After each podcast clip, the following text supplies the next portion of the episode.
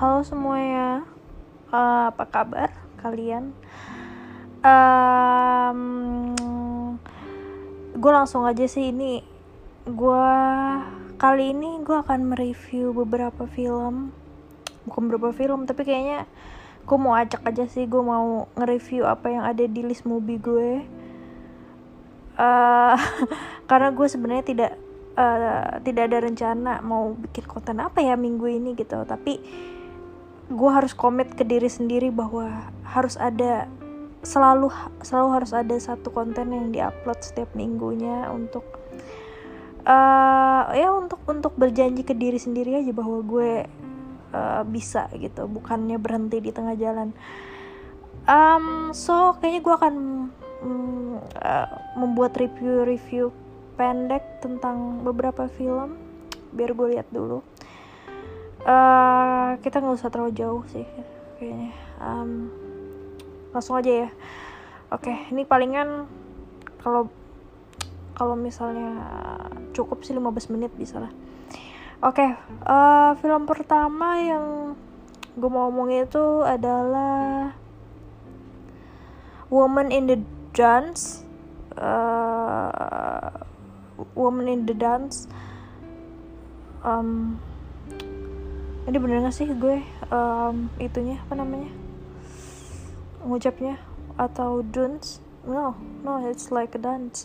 Oke okay. Woman in the Dance ini film dari Hiroshi Teshigahara uh, film Jepang di tahun 1964 uh, gue sebenarnya udah lama nonton ini like uh, beberapa bulan lalu di sini um, tapi gue suka dengan film ini karena dia punya metafora yang sangat bagus uh, yang bisa relate ke kehidupan kita gitu. Kalau misalnya di sini kan ceritanya tentang seorang cewek dan seorang cowok yang dipaksa uh, mereka terperangkap di satu tempat yang terisolasi dan menjalani hidup di sana gitu uh, pada akhirnya dari yang mulai mereka sama sekali berjarak nggak mau uh, ya nggak mau terhubung satu sama lain sampai akhirnya mereka seperti layaknya suami istri gitu. Dan uh, gue gue suka banget film ini bahwa ternyata ketika kita udah terlalu terbiasa di satu tempat itu memang uh, kecenderungan kita untuk melihat hal lain itu udah jadi jadi otomatis ketutup gitu. Um, mungkin film ini tuh kayak semacam apa ya tuh namanya yang uh, sindrom lo kalau diculik tuh apa sih namanya? Gue lupa lagi.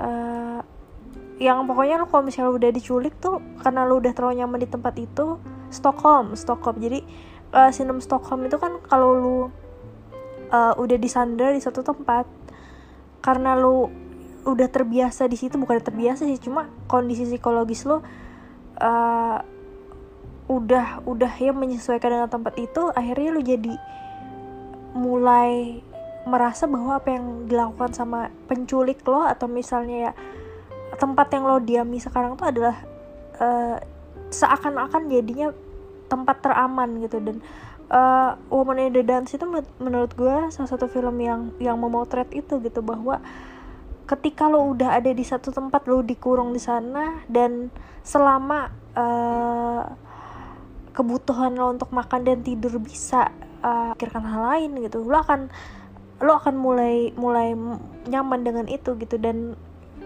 ini mungkin kedengarannya salah ya cuma kalau misalnya lo pikir lagi kebanyakan manusia gitu. Um, kebanyakan manusia itu seperti itu juga gitu bahwa uh, ya ketika kita misalnya nih kita kita punya mimpi gue pengen um, keliling dunia gitu.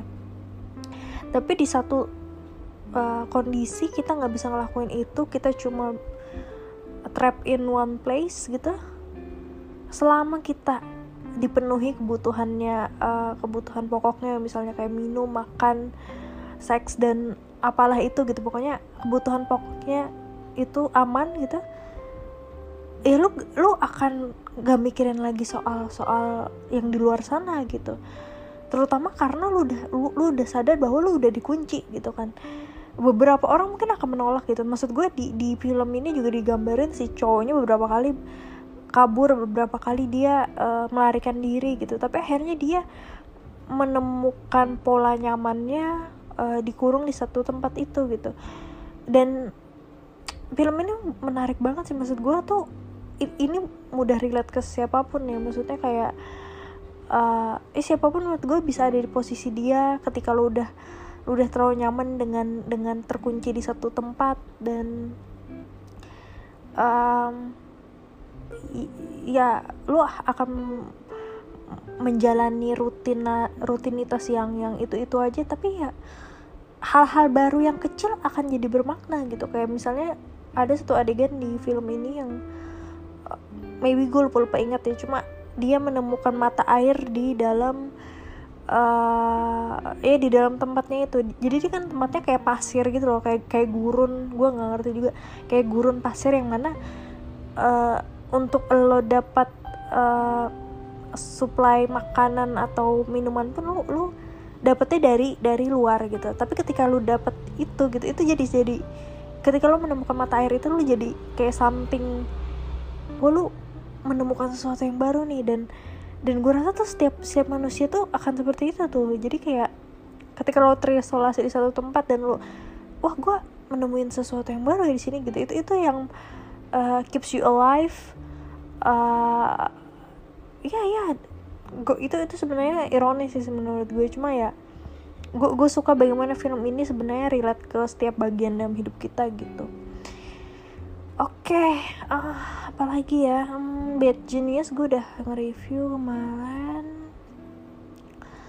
Uh, The Lovely Bones, film Peter Jackson, gue nggak suka ya.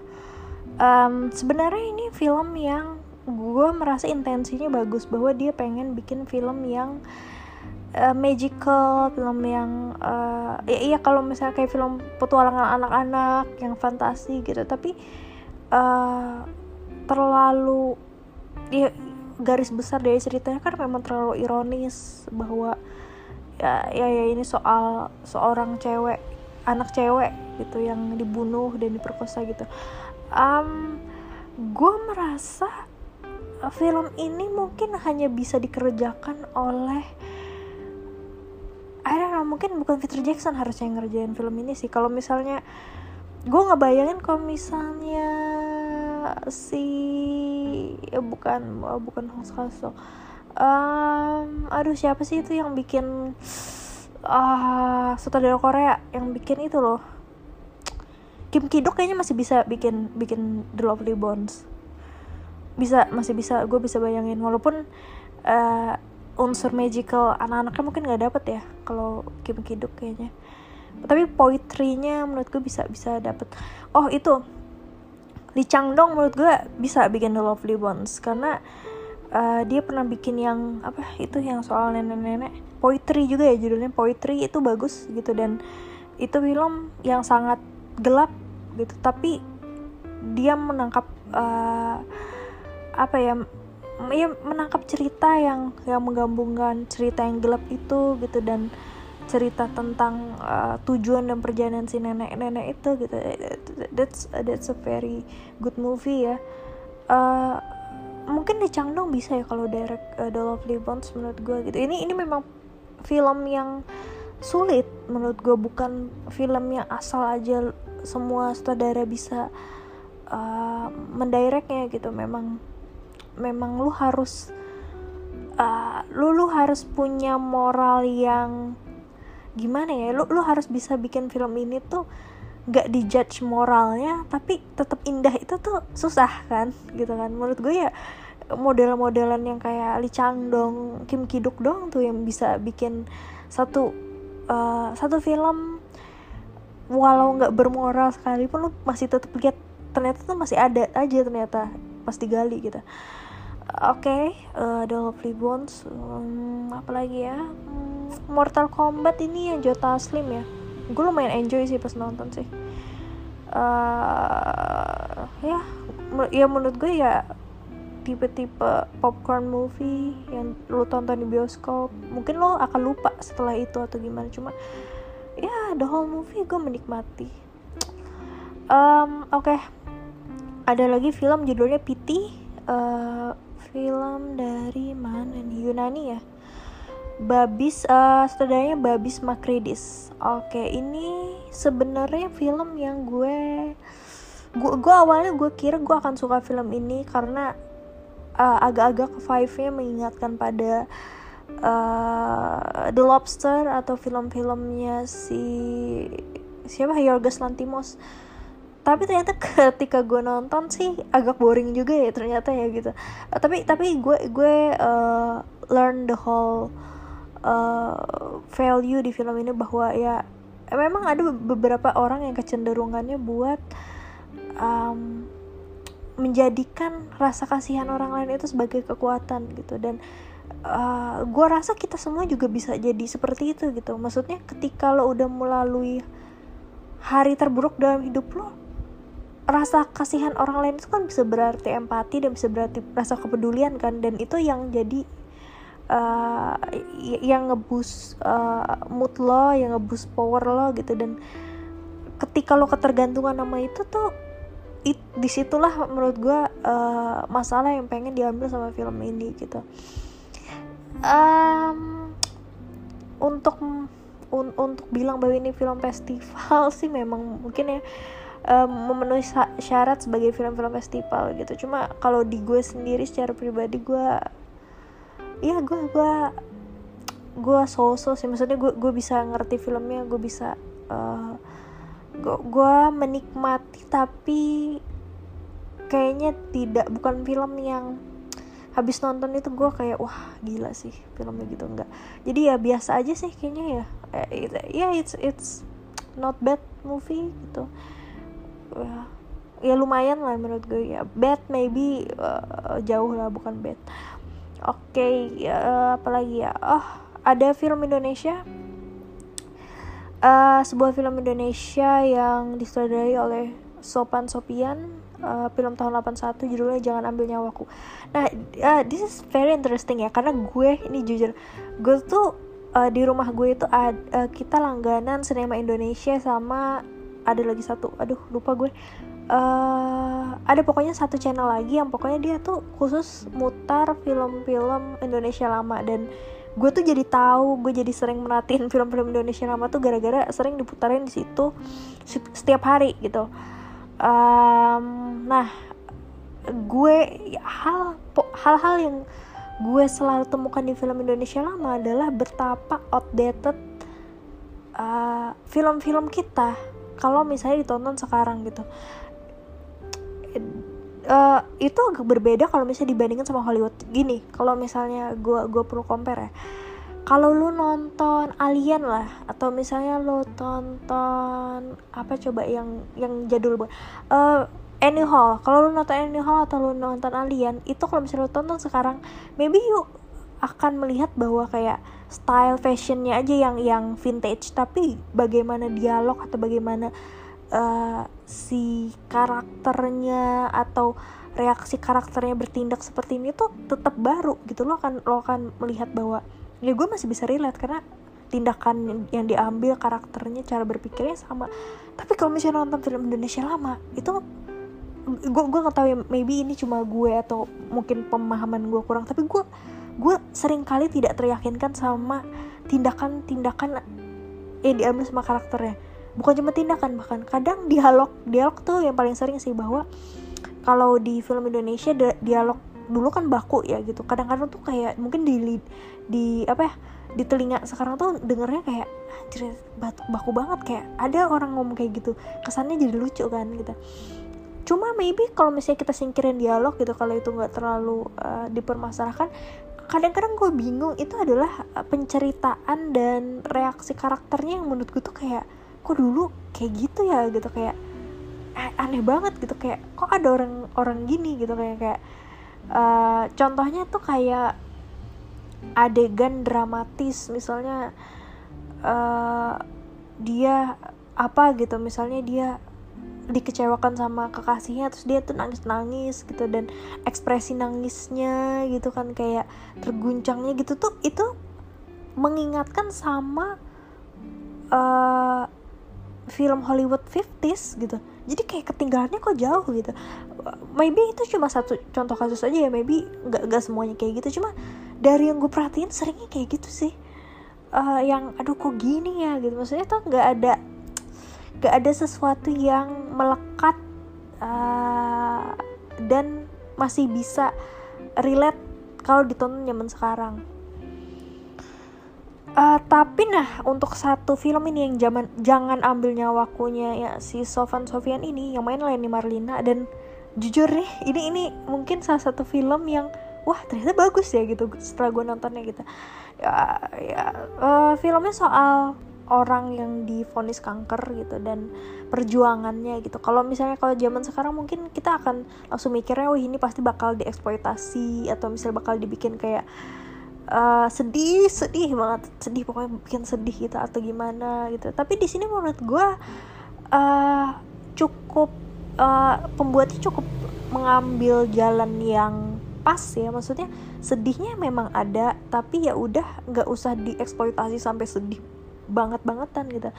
Uh, gue juga suka bagaimana informasi di film ini dipaparkan seakan-akan ya penulisnya memang tahu dan riset soal kanker soal gimana gitu. Jadi eh, nggak uh, nggak kayak gak, gak cara-cara sinetron yang misalnya lu udah kanker apa gitu kan. Uh, di sini tuh menurut gue dia step by stepnya tahu gitu uh, orang yang lagi kanker stadium itu kayak gimana gitu uh, filmnya juga menjadi lebih realistik karena ada isu uh, rumah tangga atau perselingkuhan yang dibawa. Dan ini ini bagus sih menurut gue karena uh, ya filmnya gak berusaha untuk romance romance penyakit aja gitu kan kan banyak gitu kayak film-film yang ya orang lah berpenyakit terus dia tetap jatuh cinta dan setia terus romance lalala gitu.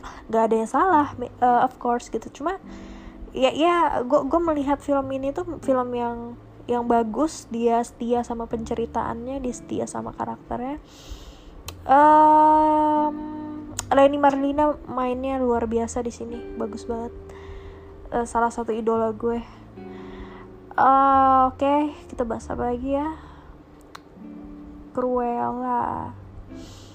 Uh, How I Met Your Mother gue sempet nonton uh, beberapa episode tapi kayaknya maybe emang bukan tipe gue ya gue lebih ke friends sih. Ini ini menurut gue menurut gue How I Met Your Mother itu ya kayak Ross tapi dibikin jadi karakter utama aja gitu. Jadi uh, buat gue pribadi gue karena karena Ross itu adalah less interesting karakter di Friends menurut gue. Jadi kayak kalau lu jadiin itu jadi karakter utama ya tambah ya gue males nontonnya gitu. Dan uh, gue gue tidak terlalu into karakter dan circle dia gitu. Dan ya si si cowok pemeran utama ini kan tipe-tipe yang dreamer penanti cewek sejati gitu kan. Yang kayak gue akan menunggu cewek gitu. Tapi yang gue tonton di setiap episode itu dia selalu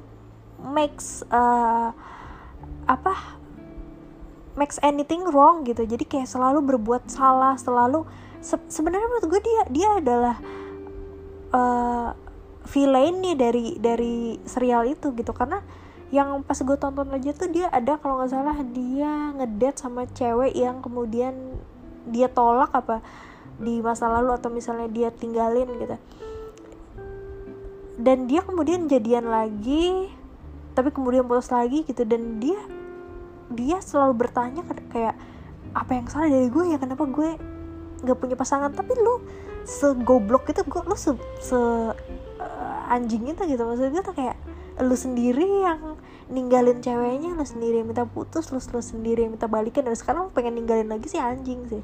Jadi I don't know it's it's not my uh, taste aja kali ya gitu. Gue gue ada masalah sama cowok-cowok yang gue ada masalah sama cowok-cowok yang sok-sok. Ya gue pengen cewek yang ideal apa lalalala tapi kalau misalnya udah dikasih gitu tapi kayak eh, ini bener gak ya buat gue gitu kan. Tapi dia nanti akan nyari lagi tipe yang lain. Aduh no no no no. Itu itu itu alasan kenapa Rose itu karakter yang paling nyebelin gitu. Tapi maybe dia masih lucu ya. Kalau kalau di siapa namanya? Si Ted Mosby ya? Bener gak sih? Si Ted Mosby itu dia gue nggak ngerti lucu juga enggak gitu. It's just like a nerd yang trying to get a girlfriend gitu. Tapi ketika udah dapet girlfriend juga tetap ngeluh aja gitu. Gua gua nggak ada gua gua nggak bisa simpati sih sama karakter model kayak gitu gitu oke okay, apa lagi ya um Moxie. Ya gue so-so sih Moxie.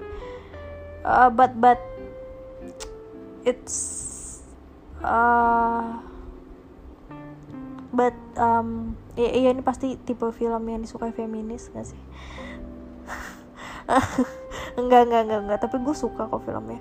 So-so aja maksudnya kayak uh, ya gue tahu perjuangannya gue tahu apa yang pengen diangkat filmnya tapi gue gue setuju dengan beberapa review yang bilang bahwa itu kalau misalnya diangkatnya dari sudut pandang yang lebih minor, minoritas itu lebih bagus menurut gue bukan trying to be politically correct ya di sini ya atau apa kayak ah gitu lu harus mengangkat dong ras-ras lain. Enggak bukan. Maksud gue tuh kayak enggak. Karena si cewek ini menurutku enggak semenarik itu uh, siapa sih cewek pirang ini? Menurutku enggak enggak ya dia cuma kayak uh, apa white girl yang trying to fit in gitu kan. Itu ya kita sudah lihat itu di berbagai cerita gitu. Yang menarik itu kan sebenarnya teman dia yang si siapa? Itu yang diperanin si yang cakep itu. Uh, Lauren saya ya? Si si Lauren saya itu menarik. Dia lahir di Asian parent gitu. Lu kan tahu Asian parent kayak gimana gitu dan itu lebih menarik um, ya uh, terus juga karakter yang kulit hitam itu juga menarik gitu. Um, ya ya menurut gua bu bukan soal apa-apanya cuma yang lebih menarik di sini yang supporting karakternya. Jadi agak gue agak ah kayaknya bisa lebih baik kayak gitu sih gitu. Tapi tapi it's it's an okay movie it's an okay movie. Um yeah it's okay. Uh, yang Greta Greta ini yang bikin siapa ya? Uh, Neil Jordan itu bikin apa dia? The Crying Game ya? Udah gak sih gue? Bukan ya? Neil Jordan.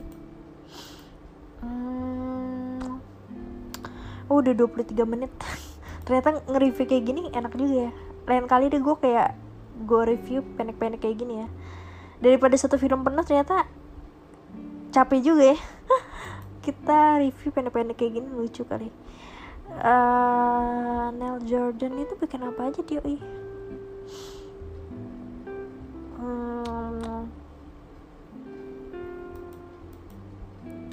Kalau Greta sih oke okay movie juga sih menurut gue gitu nggak terlalu gimana banget. Ya, ya sebenarnya biasa untuk ukuran thriller. Uh, iya ini menurut gue fi film yang seharusnya kalau kalau di 90s tuh dia udah ada uh, listnya kan kayak semacam Fatal Attraction kayak gitu gitu. Hmm, dia bikin apa sih? The, The Brave One bukan The Brave One tuh filmnya Jodie Foster. Ah ah lama malas gue. Oke okay, uh, eh, Greta oke okay movie sih menurut gue. Tapi memang di sini highlightnya adalah si Elizabeth Huppert ini. Menurut gue dia bagus banget di sini uh, sebagai si uh, ya si uh, si orang gila ini gitu. Ya ya dia dia yang bikin filmnya lebih ada rasanya lah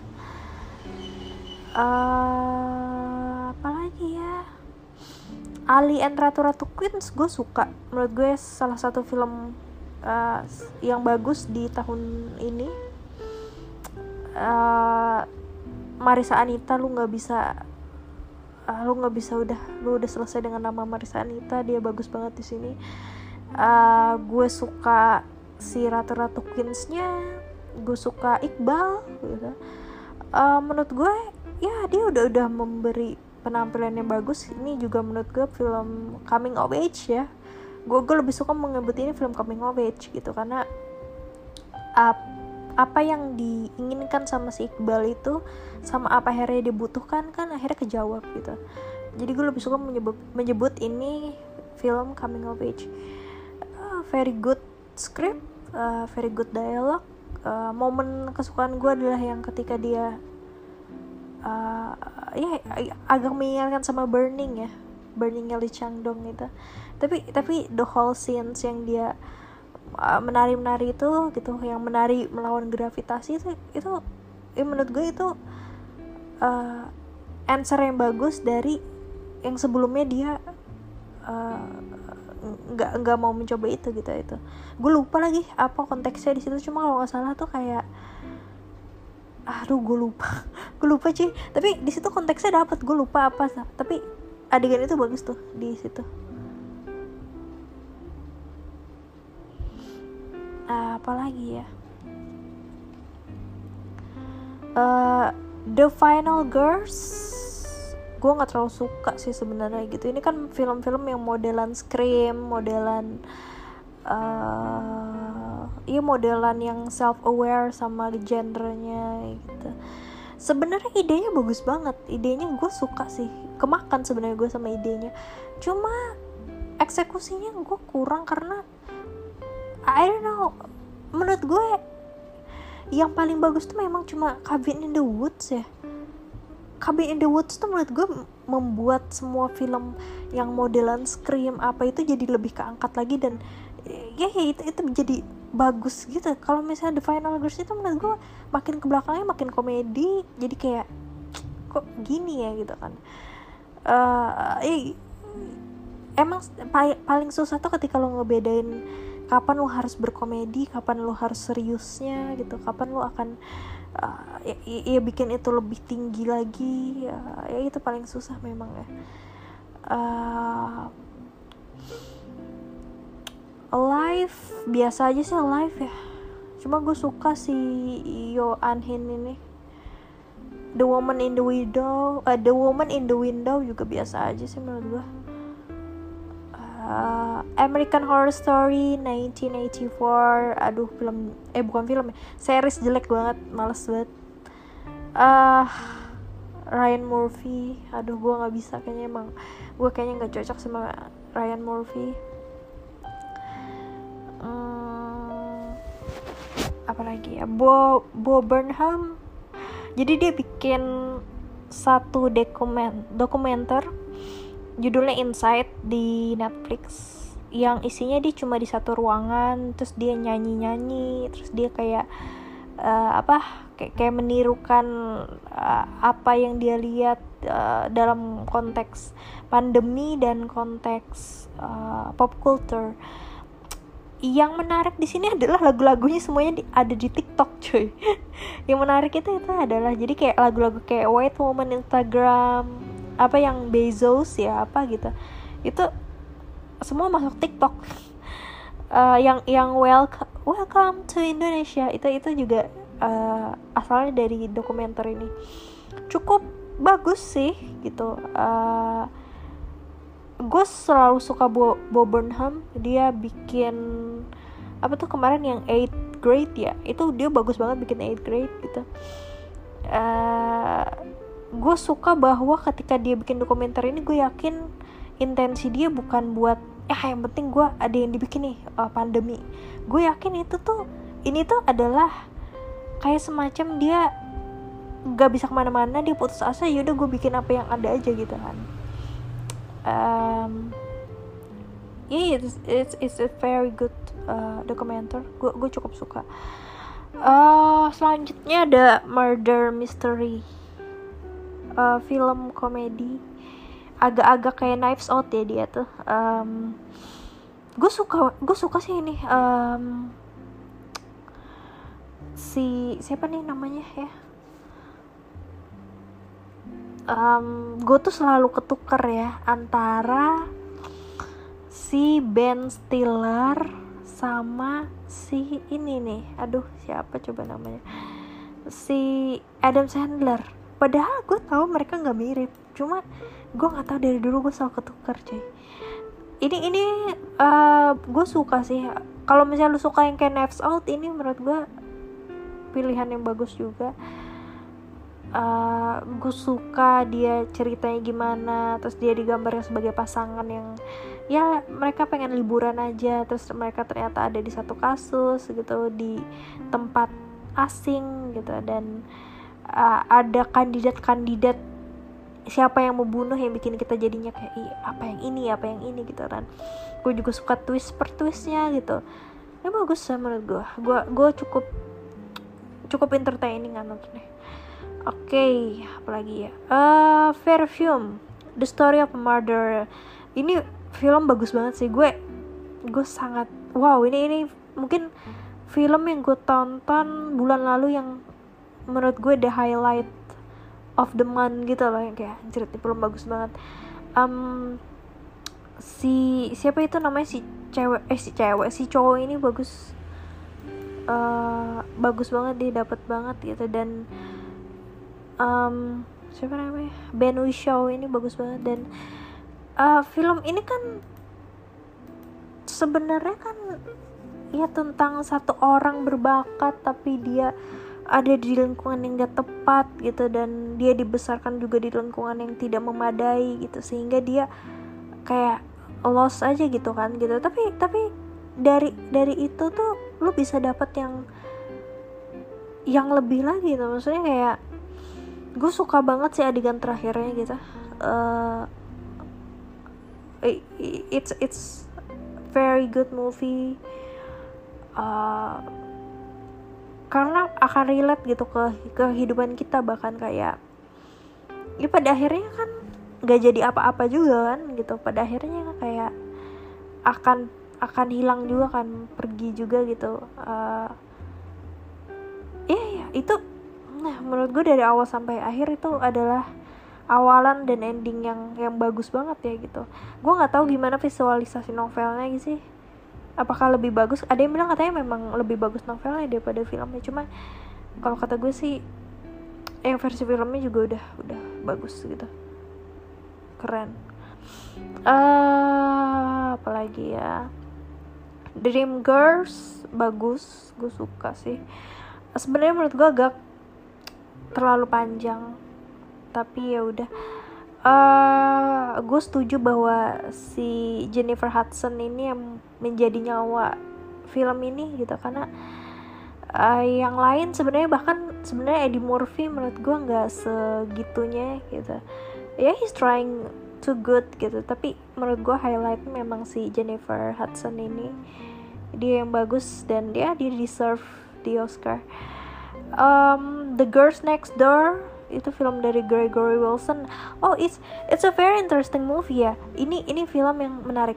Jadi dia itu sebenarnya kan ini film kalau dibawa ke film-film lain tuh sama aja kayak modelan uh, torture porn gitu nggak sih? Maksudnya nggak nggak nggak kayak langsung kayak hostel atau kayak saw gitu sih. Cuma menurutku ini film yang sebenarnya cuma kayak ya ya penyiksaan gitu kan. Maksudnya kayak kalau misalnya dibikin ke film lain tuh sebenarnya bisa aja cuma film uh, penyiksaan aja.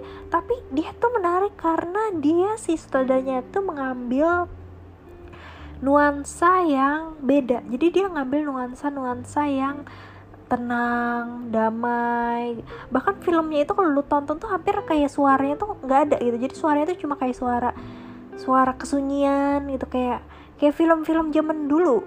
Persis kayak film-film tahun 50-an 60-an itu kan biasanya kalau misalnya lu lu tonton tuh filmnya nggak berisik ya. Jadi kayak suaranya tuh suara suara damai gitu kan. Pokoknya suara uh, apa dia taruh cuma dialog-dialog tapi suara scoringnya tuh jarang gitu.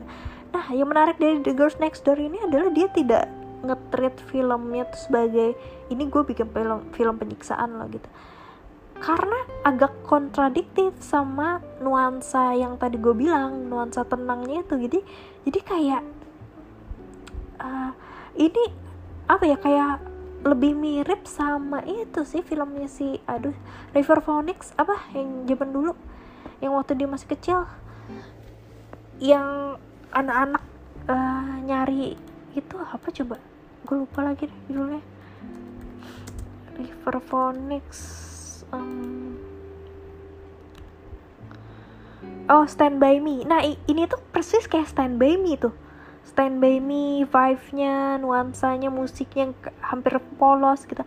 Tapi ada adegan ya ada adegan bejatnya gitu. Jadi kayak anjir gue mesti gimana ya gitu.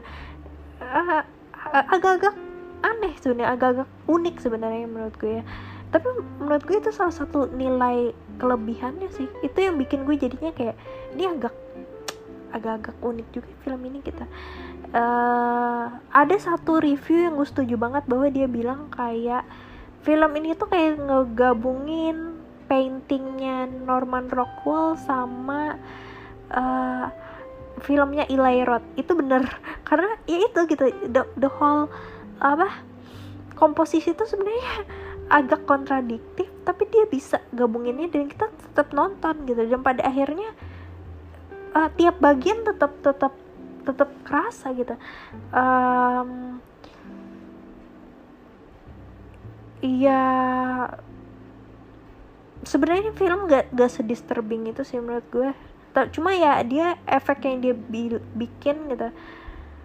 Uh, bagaimana, bagaimana kita jadi ikut simpati ke ceweknya ke cerita dari sudut pandang orang lain ini gitu. Itu itu itu yang bikin jadi film ini agak-agak mengganggu gitu. but it's a good movie. Gue suka pendekatan yang baru itu gitu. Uh, apalagi ya? Uh, oke okay, gue ternyata ada juga ngeret uh, video klipnya Kanye West yang famous. Dan gue suka lagi ya so sorry ya. Uh, I know it's it's it's all sebenarnya kayak exploitation bahwa lu naruh semua karakter-karakter di situ dan lu tidur bareng gitu. Dan ya itu kayak semacam apa ya ini sebenarnya tuh ide paling kurang kurang ajar paling kasar gitu. Cuma gue ngerti sih kenapa kesikannya itu bikin kayak gitu gitu kayak ya itu semuanya ini nih semuanya yang lu expose yang lu, lu, lu telanjangin gitu kan ya lu lihat gitu ya.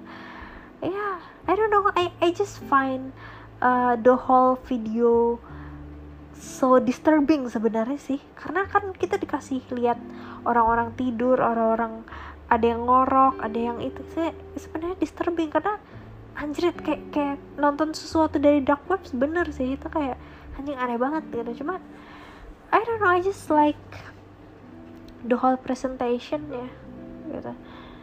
Uh, oke. Okay. oke okay, udah dekat lagi bentar lagi nih ya. Um, film selanjutnya ada Anita the Swedish Snippet pada gak sih gue mau cepet kayak gitu? Ya Swedish Snippet uh, ini film Swedia. Um, yang main Christina Lindbergh kalau nggak salah sih. Uh, iya sebenarnya ini cuma film softcore porn aja sih yang sebenarnya nggak terlalu porn-porn banget cuma film biasa aja. Uh, tapi yang menarik adalah ternyata gue baru menemukan bahwa filmnya Silas Pontrer yang Nimpomaniak itu ternyata ini nyontek habis-habisan si Anita ini ya anjing. Dan dia nyonteknya nyomotnya sama lagi pemainnya kan goblok ya maksudnya kayak si si apa si cewek eh, si cewek ini kan dia ceritanya di Anita ini diceritain uh, dibawa diselamatkan oleh satu cowok ya gitu uh, dan cowok ini adalah seorang mahasiswa yang diperankan oleh si Stellan Skarsgård yang mana kalau misalnya lo nonton Nymphomania kan si Stellan Skarsgårdnya juga menyelamatkan cewek kan di situ. Uh, sebagai profesor kalau nggak salah ya gitu. Jadi itu tuh kayak semacam gue nggak tahu mungkin Lars von berusaha untuk uh, ya making humor aja gitu dari situ bahwa gue gue ngambil satu karakternya di film ini gitu dan gue pakai dengan template yang sama profesi yang sama. Terus ini sebenarnya cara bercerita juga hampir sama kan kayak di Anita ini kan dia dipuk habis dipukulin gitu. Terus dia menceritakan sejarah dia uh, apa having sex sama siapa aja gitu. Dan kan sama di nimpomaniak juga sama kayak gitu gitu. Dan akhirnya kan ngewe eh bukan ya eh enggak cuy enggak cuy eh nimpomaniak enggak enggak ngewe ya dia kabur ya. Bener kan? Karena si propos pro, pro, profesor itu pada akhirnya pengen terus akhirnya dia kabur dia bunuh kalau salah kan ya.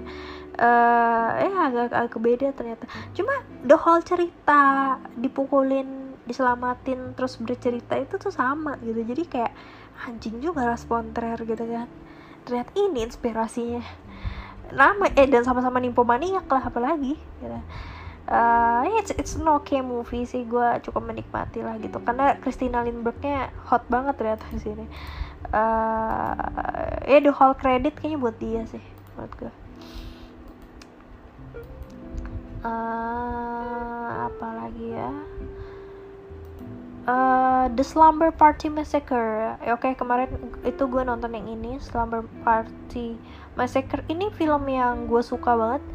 Uh, tipe-tipe film yang yang bloody popcorn yang lu tonton ketika malam Jumat lagi sendirian atau lagi sama teman-teman lo yang lo bisa ketawain yang lo bisa seru bareng gitu. Dan uh, yang yang mengejutkan dari film ini adalah selain bahwa saudaranya adalah seorang cewek uh, filmnya ternyata cukup punya cerita menurut gue. Gue tadinya sudah uh, gue sudah ekspektasi bahwa filmnya akan kayak uh, ya enggak nggak bakal ada ceritanya gitu yang akan jadi kayak brandless aja gitu. Tapi ternyata cukup ada ceritanya. Uh, iya yeah, that's that's good movie. Gue suka dengan pembunuhnya nggak pakai topeng-topengan gitu. Karena di 80s kan itu banyak yang pakai topeng kan gitu. Karena kepengaruh dari uh, apa Jason Voorhees gitu. Tapi di sini dia nggak pakai topeng gitu dan ya yeah, I I like the whole movie sih gitu.